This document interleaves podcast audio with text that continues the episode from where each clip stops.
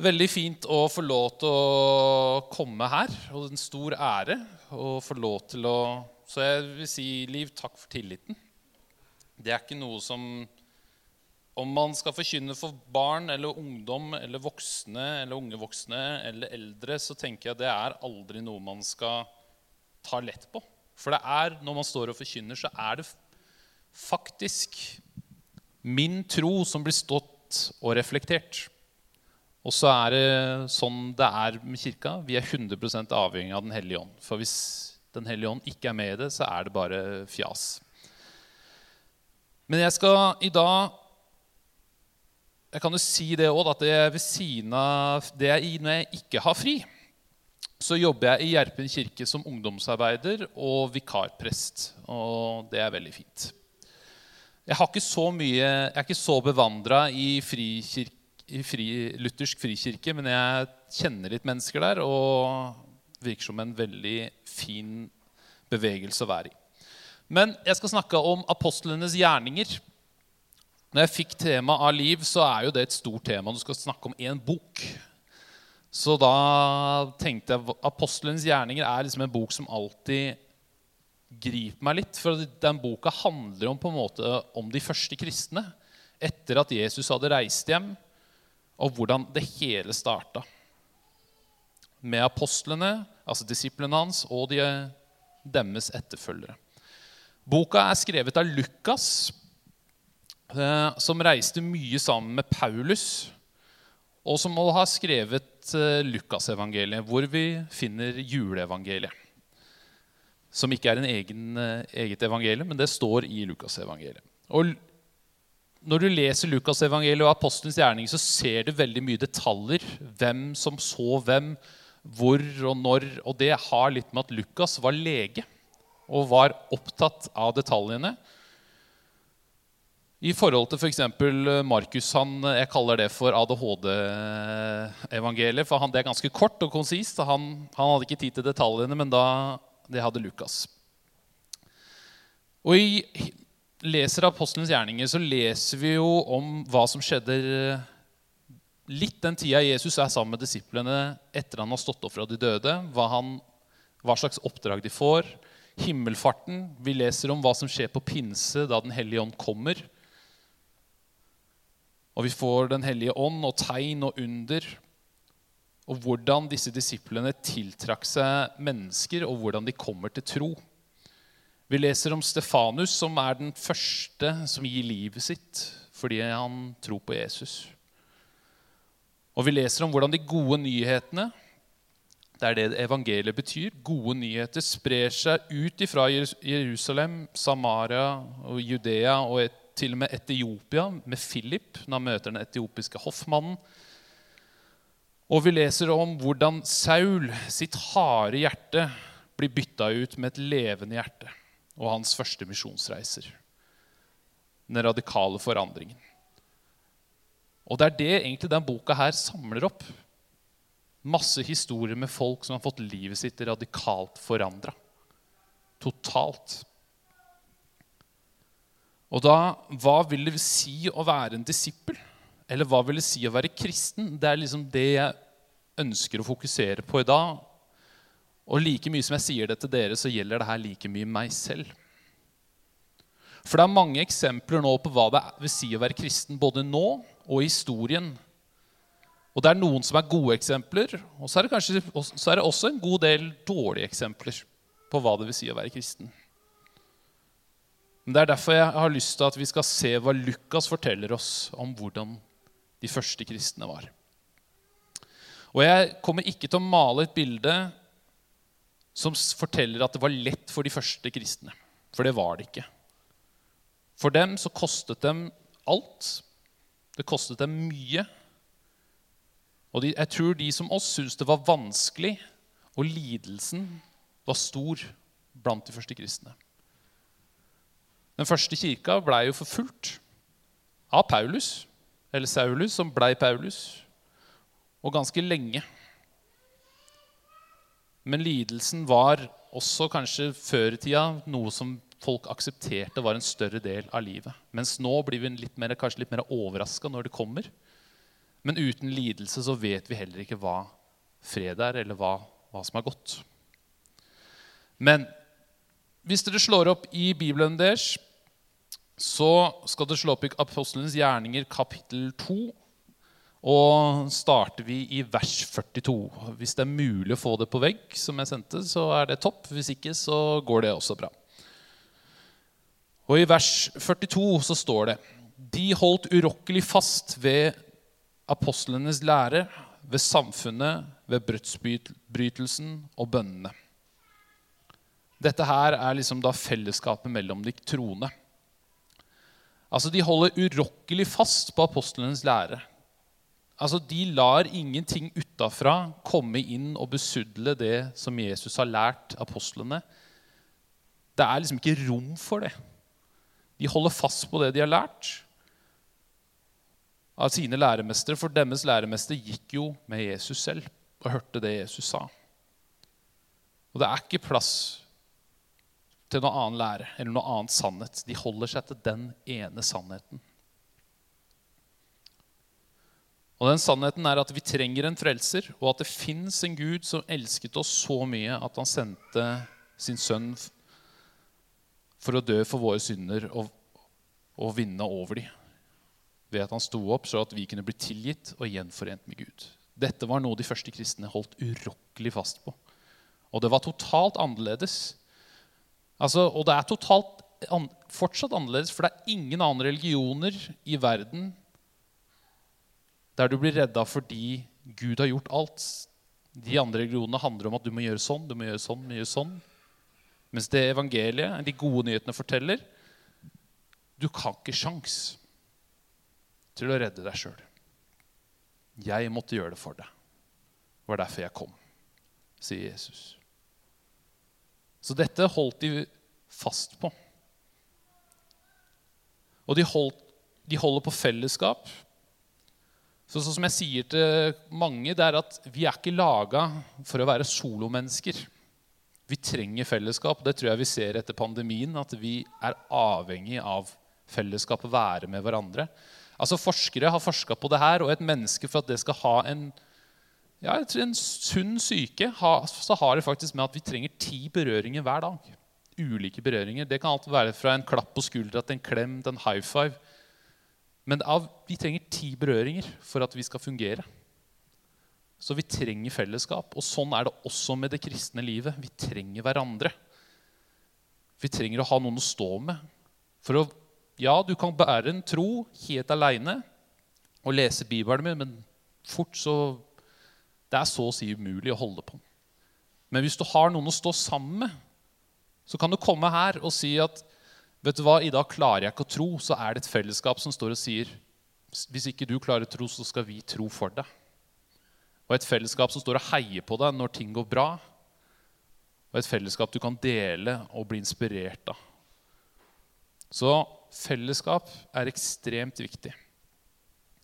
De holder nattverd sammen. Så minner de på hva Jesus gjorde for dem. Og jeg, jeg hadde ikke vært overraska over at for Jesus sier så ofte dere kommer sammen, gjør dette her om min og meg. Så de hadde nok nattverd ganske ofte.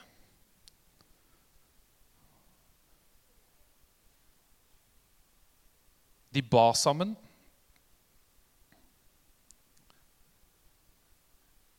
Eh, de brukte mye tid i bønn og tilbedelse. Og jeg tror ofte jeg sjøl har en tendens å starte litt i feil ende av dette her. Det er så typisk. Jeg skal planlegge et eller annet, ta en ungdomskveld. Så vi, ok, hva skal vi gjøre? Vi planlegger, vi planlegger, og så bare Og så må vi be! Men ofte så tror jeg egentlig vi burde heller ha starta med bønn, og så at ting ble født ut av bønn. Men når du leser gjennom apostlenes gjerninger, så er det liksom interessant når det er motgang og tøft. Hva er det de gjør? Jo, de ber. Og det er veldig sånn at veldig, Bønn er liksom noe som er like naturlig for dem som å puste. Og hvis du ser på Jesus sitt liv Han trakk seg ganske ofte vekk for å være med Gud og for å be. Og jeg tenker at Hvis det viktig, var viktig for Jesus, hvor viktig er det ikke for oss?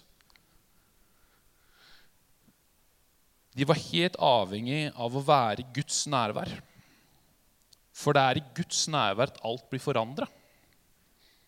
det er i Guds nærvær at ting, hjertet vårt, blir forandra. Det er Guds, altså Jeg har tenkt på det. I Guds nærvær så tåler ikke ondskapen å stå. I Guds nærvær så blir faktisk sykdom borte. Det er i Guds nærvær. De, de merka at de var avhengig av det. Var det vanskelig, så ba de. Og når det var glede, så takket de og lovpriste. I vers 43 så står det Og enhver ble grepet av ærefrykt, og mange under og tegn ble gjort av apostlene.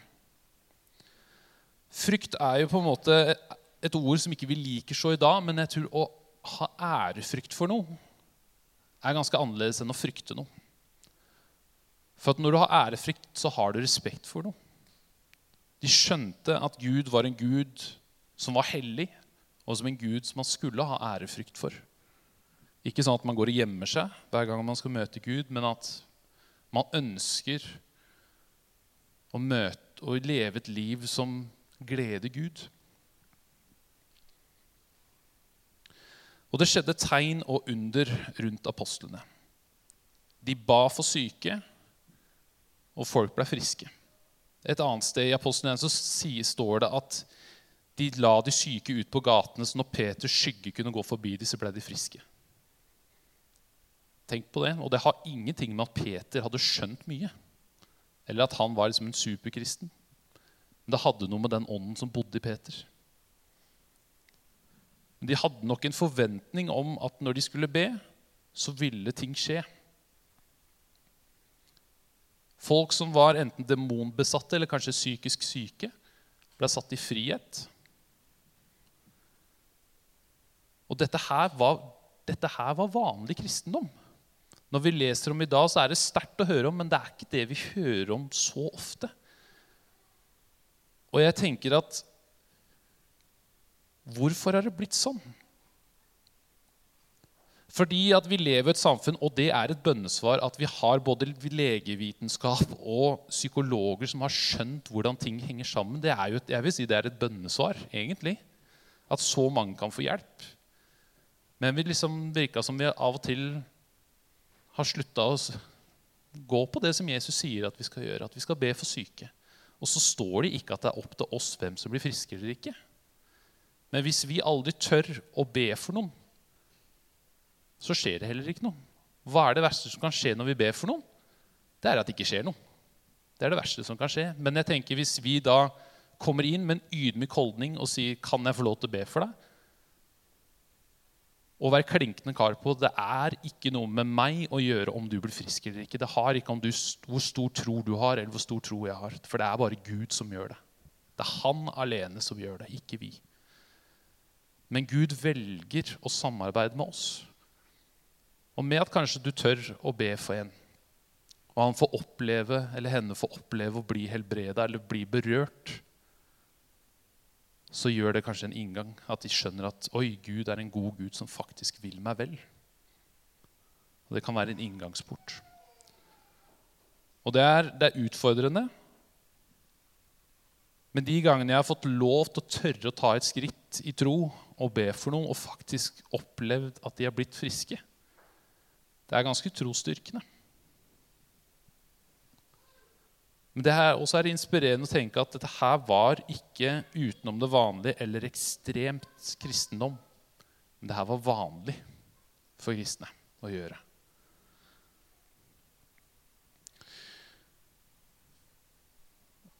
Skal vi se Fra 42 og skal vi se Så er vi ikke Så ikke roter det til her. Fra 44 så står det alle de troende holdt fast sammen. Holdt sammen og alt, hadde alt felles. De solgte eiendommene sine og det de ellers eide, og delte det ut til alle som hver enkelt trengte det. Og Hver dag holdt de trofast sammen på tempelplassen og i hjemmene, brøt de brødet og spiste sammen med oppriktig og glede, hjertelig glede. Og de sang og lovpriste Gud og, og var godt likt av hele folket. Og hver dag la Herren til nye som lot seg frelse. Det er ganske interessant at liksom de holder sammen, og så er, lever de jo i et unikt fellesskap. Der de på en måte Det er jo superradikalt. De selger hjemma sine, eiendommene sine. Og så er det sånn der, Hvis du trenger sykkel i morgen, ja, vi fikser det. Ikke noe problem. De var der for hverandre på en helt annen måte. Og du så jo noe av det samme på 70-tallet med Jesusvekkelsen. ikke sant? Folk som bodde, Og det er folk som gjør det ennå. Og så sier jeg, så tror jeg ikke, det er ikke, tror ikke det er meninga at, vi, at vi skal nå gå hjem og selge husene våre og kjøpe en svær bygård og alle bo i den. Det tror jeg er litt unikt fra situasjon til situasjon, men på den tida her så tror jeg det var helt genuint nødvendig for dem for å holde sammen. Men det sier noe om på en måte den Vi er ikke bare et fellesskap, men vi er familie. Vi holder sammen og dekker hverandres behov. Så tror jeg de var genuint glad i hverandre. Det er ikke så vanlig i Norge i kristen sammenheng, men der, hvis du reiser til afroamerikanske menigheter, så kaller de jo hverandre for 'brothers and sisters'. Og når vi blir kristne, når vi begynner å tro på Jesus, så blir vi faktisk adoptert inn i Guds familie. Der ikke vi er sett på som tjenere, men Gud kaller oss for sønner og døtre. Og alle de andre kristne i verden er våre brødre og søstre. Og det er eh, og det er den kjærligheten som de hadde imellom, det er, det er forbilledlig. De var der så for hverandre når ting var bra, men også når ting var tøft. Og sto, litt som jeg om tidligere, Når ikke noen fikk det livet, så var det noen som da sto kirka rundt dem og holdt dem og beskytta dem og hjalp dem. Og så syns jeg det er interessant med at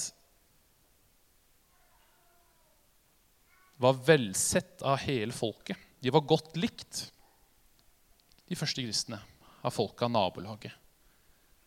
Fordi de gjorde godhet der de var. Hvis man tenker på de aller første kristne for at i løpet av, Det er sikkert noen av dere som kan det her bedre enn meg, men ca. en periode på 300 år så går jo kristendommen fra en liten gruppe til å nesten bli statsreligion i Romerriket på 200 år. Pluss minus. Ikke, meg, ikke siter meg helt på det.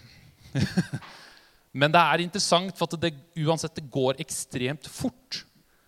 Hvorfor det? For at de kristne var ikke ute etter politisk makt. De var ikke ute etter å gjøre noen revolusjon. En av grunnene til at de ble forfulgt, var jo fordi at de bøyde seg bare for Jesus og kalte han for konge og keiser. Og det var radikalt. Men hva er det som gjør at de første kristne kommer i den posisjonen og blir faktisk det som på en måte skulle samle Romerriket på et tidspunkt? Og En kul historie er om de første kristne er at de Der det var en ting som romerne var kjent for, det var at hvis det kom pest og sykdom, så flykta de. Men de første kristne de gikk inn der det var mest sykdom og pest, og pleia de syke. Altså, Det er jo helt vilt å tenke på. Fryktløse gikk de inn, og det kosta dem livet òg. Men de var der for de aller svakeste. En annen ting de gjorde, var at i Romerriket hvis en dame fikk et barn og ikke ønsket det barnet, eller faren ikke ønsket å ha det barnet, så var det vanlig å bære det utafor bymuren og forlate det for å dø. Sånn som vi gjorde i Norge med å sette barn i skogen. Men det de kristne gjorde, det var at de gikk ut, sneik seg ut, henta dette barnet, og som et felles ja, altså Det kristne miljøet, alle chippa inn penger for å hjelpe den familien til å oppdra dette barnet som sitt eget. Altså Det er sånne type ting som er Og sånne ting blir lagt merke til. De brydde seg på en helt annen måte enn det andre mennesker gjorde. Og de, for de første kristne var ikke nødvendigvis ute etter politisk makt. Men de var ute etter å elske sin neste som seg selv. Og formidle dette håpet videre. Og de gjorde heller ikke forskjell på folk. Paulus sier at her er det verken jøder eller greker, slave eller fri. Alle i, i Kristus er, samme, er like mye verdt. Om du er pastor eller vaktmester. Alle er like mye verdt. Det er ikke forskjell. Mennesker rota det litt til, men eh, sånn er det med mennesker. Og menneskelige organisasjoner kommer mennesker inn i bildet, så blir det rot. Sånn er det. Men Gud, selv om det blir rot, velger fortsatt å samarbeide med mennesket.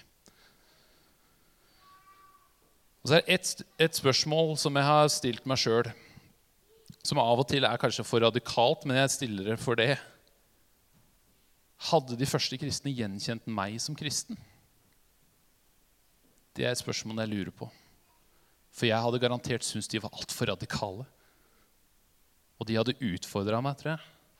Hadde de gjenkjent meg som kristen? Og det er ikke et spørsmål jeg har noe svar på, for jeg vet at jeg er ikke like frimodig som dem. Men jeg vet at jeg har et ønske om å følge etter den samme Jesus som de fulgte etter. Og legge ned livet, sitt, legge, legge ned livet mitt for. Og kristendom har alltid vært i spenn, og det har alltid vært ting innad i kirken. Det er ikke noe nytt, det. Sånn var det i U-kirken, og sånn er det nå. Men én ting jeg har utfordringer med kristendom i dag, er kristendom som ikke krever at vi må forandre oss. Eller kristendom som ikke forandrer oss. For hva er poenget da, hvis ikke vi skal bli redda fra noe? Hvorfor kom Jesus hvis ikke han trengte å redde oss? og sette oss i frihet. Det er en kristendom som jeg har problemer med. For å følge etter Jesus har alltid vært motkultur i verden. Og det leser vi om i apostlenes gjerninger. De havner i rettssaker, de blir slått, de blir utstøtt. De er offer av cancel culture, for å si det sånn på høyt nivå. De blir trua. Altså som Stefanus. og, og resten av apostelen, Det er vel bare Johannes som dør en naturlig død. Alle andre legger ned livet sitt for å følge til Jesus. Men de første kristne, som vi kan også lese om i Apostelens hjerne 4, det er når eh, Peter og kompisene hans har på en måte blitt irettesatt av fariseerne, så sier de Nå, Herre, hold øye med deres trusler og gi dine tjenere å tale ditt ord med all frimodighet idet du rekker ut din hånd, så helbredelse og tegn og under skjer ved din hellige tjene Jesu navn. Det står i Apostlenes 4, 29-30. Eller Paulus som sier igjen 'gled dere'. Det kommer fra en fyr som sitter i fengsel. Altså, dette her er folk som på en måte ikke hadde det lett, men likevel fokuserte på kjærligheten og fokuserte på å gjøre godt. Og budskapet er like mye til meg som til dere. Og min store håp til dere er at ikke dere sitter her og mister motivasjon. Men se heller til apostlene og se til dems inspirasjon. Jag etter den Jesus som de jaga etter. For hvis Jesus, Gud selv, synes at jeg var verdt å komme ned og redde, redde Han holder ut med meg når jeg gang på gang svikter han. Og hans kjærlighet til meg er så stor at han valgte å gjøre alt for å redde oss. og legge ned alt. Gud selv valgte å bli menneske og dø på et kors. Og ta, han som var rein, valgte å bli uren så at vi kunne gå fri. Og hvis han har gitt meg alt og satt meg først, da vil jeg også gi han alt, så at jeg kan følge etter han. For jeg ønsker, og jeg trenger å bli forandra av han. En av lærerne mine på Ansgar-skolen han sa at når vi begynner å følge etter Jesus, så blir vi mer lik den personen vi var skapt for å være. Altså alt forurensninga om kanskje selvbildet vårt, det får mindre og mindre plass. Mens Guds sannheter må få større og større plass. For det er i Han jeg er fri. Og det er da jeg også, som jeg sa, blir mer lik den han skapte meg til. Og med ham så kan jeg faktisk gjøre umulige ting mulig. Med å be for syke og se at de blir friske. Så jeg ønsker at, jeg håper at kirka at vi kan begynne å bli frimodige Og hvile i at det overnaturlige, det er det Jesus skal fikse. Det er Den hellige ånd som skal fikse. Samme når vi forteller vitnesbyrdet vårt, det er ikke vi som skal frelse dem, det er Den hellige ånd som skal overbevise med tro. Vi skal bare fortelle og være villig. Men faktisk ha en forventning at Gud vil gjøre noe med de menneskene rundt oss. For faktisk den kraften som vekte Jesus opp fra de døde, den bor i oss. For Guds ånd bor i oss. Tør vi å tro på det? Jeg tør ikke alltid å tro på det. Men den kraften bor i oss. Og det er et umulig oppdrag Jesus gir oss. Gå ut derfor ut og gjør alle folkeslag til disipler. Det er et stort oppdrag. Men mist ikke motet, for Jesus sier i apostlenes gjerninger, kapittel 1, 8, Men dere skal få kraft idet Den hellige ånd kommer over dere. Og dere skal være mine vitner både i Jerusalem og hele Judea og Samaria, helt like til jordens ende. Martin Cave syns jeg sier det veldig bra. For kristendom har ofte handla om hva jeg skal gjøre for Gud. Men kristendom handler mer om hva Jesus gjorde for oss. Og, utifra, og hvis vi klarer å leve det, så tror jeg altså livet vårt vil være, bli forandra av det. Helt til slutt eksempelet som Lukas gir oss til å være trofaste mot Jesus. Det ene er å dele de gode nyhetene i ord og gjerninger. Del troa di. Stol på Den hellige ånd. Vær frimodig, spør folk om du kan be for dem. Om det er sykdom eller utfordringer. Be for venner. Del de gode nyhetene i ord og gjerning. Ha fellesskap med ulike mennesker. Eller to, ha fellesskap med ulike mennesker hvor alle er like. For Jesus er ikke bare for de utvalgte. Men Jesus kom for alle. Men vi trenger å være i en sammensetning der vi er ulike og har forskjellige meninger. Men samtidig klarer å ha fokus i Han, så er vi alle like. Det er han vi ønsker å følge. Og tre stol på kraften og ledelsen som Den hellige ånd gir. Stol på at det Den hellige ånd gir, vil faktisk at han vil lede oss og bære med. Altså Jeg pleier å si at Gud er ikke dårlig til å kommunisere, det er bare vi som ikke lytter etter. Og det er en øvingssak. Men så tror jeg også Gud han er med i det plan, når vi planlegger ting. Han er med i det spontane. altså Gud vet hvordan han skal virke. Men jeg er så glad at jeg kan hvile i at du, Gud, er med meg. At jeg kan overlate det lille jeg har i hans hender. For hvis ikke han er med på laget, så kan du bare glemme det. Da er det bare fjas og ikke noe annet. Så er det viktig å konkludere med at ting som vi leser om i apostelens gjerninger, skjedde ikke fordi at de første kristne gjorde alt rett. De gjorde det ikke. De var like menneskelige som meg og deg. Hadde gode dager. Når folk sier til meg 'Du er så god, Lars', ja, jeg glimter til av og til, sier jeg. Men de første kristne også bomma seg ut men jeg tror de stolte mer på hva Jesus hadde gjort for dem, enn hva de skulle gjøre for ham. Bare se på den røkla av disipler som han valgte å starte kirka si med. Første, øh, første dag med de, vi hadde nok ikke, de hadde nok egentlig ikke fått lov til å vært stått og sagt 'velkommen i døra i kaffe', regner jeg med. Og alle stakk når Jesus trengte det mest. Tenk på det. Men de ble forandra av Jesus og ga alt de kunne gi. Så vi må av og til være litt som Peter. Vi må tørre å ta skrittet ut av båten. Så må vi stole på at Jesus skal gjøre resten.